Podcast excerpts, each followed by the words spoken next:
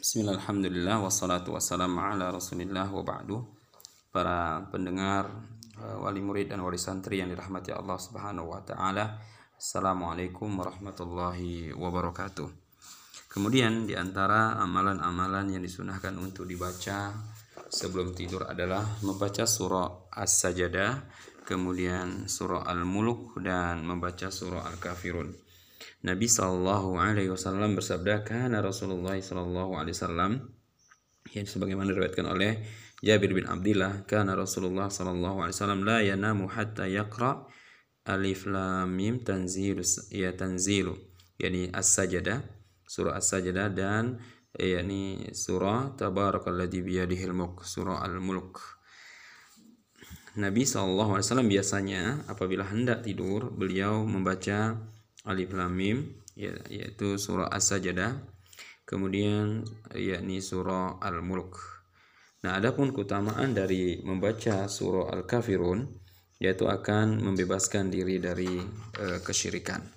Jadi ada tiga surah lagi yang disunahkan untuk dibaca sebelum tidur. Membaca surah al-kafirun kemudian surah as-sajdah dan surah al-mulk. Kemudian setelah itu apa yang kita lakukan? Membaca doa sebelum tidur ya membaca doa sebelum tidur. Nah, banyak eh, doa-doa yang diajarkan oleh Nabi SAW terkait eh, dengan doa tidur. Di antaranya Bismika Allahumma amutu ahya. Dengan namamu ya Allah, aku mati dan aku ya ini hidup. Kemudian juga dia ini dibolehkan membaca Allahumma qini adzabaka yauma tab'atsu ibadak ya Allahumma qini adzaba adzabaka yauma tab'atsu ibadak.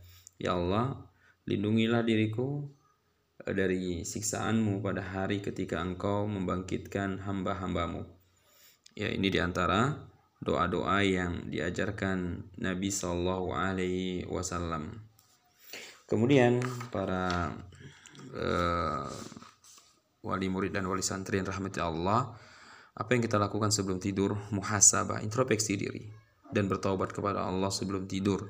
Karena bisa jadi eh, setelah kita tidur kita tidak pernah lagi terbangun di dunia ini. Bisa jadi itu adalah tidur kita terakhir ya di malam itu. Oleh karenanya sebelum tidur muhasabah introspeksi diri. Apa yang kita inginkan ke depan apa yang telah terjadi pada diri kita. Jika di sana ada dosa-dosa yang telah kita lakukan maka segeralah bertobat kepada Allah Subhanahu wa taala dan ini ya e, bisa dilakukan sebelum tidur ketika dia mengintrospeksi dirinya apa yang terjadi tadi siang, apa yang terjadi sore tadi dan seterusnya.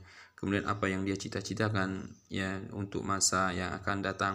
Dengan introspeksi ini ya muhasabah diri sebelum tidur ini akan membuat kita e, optimis dalam menjalani hidup.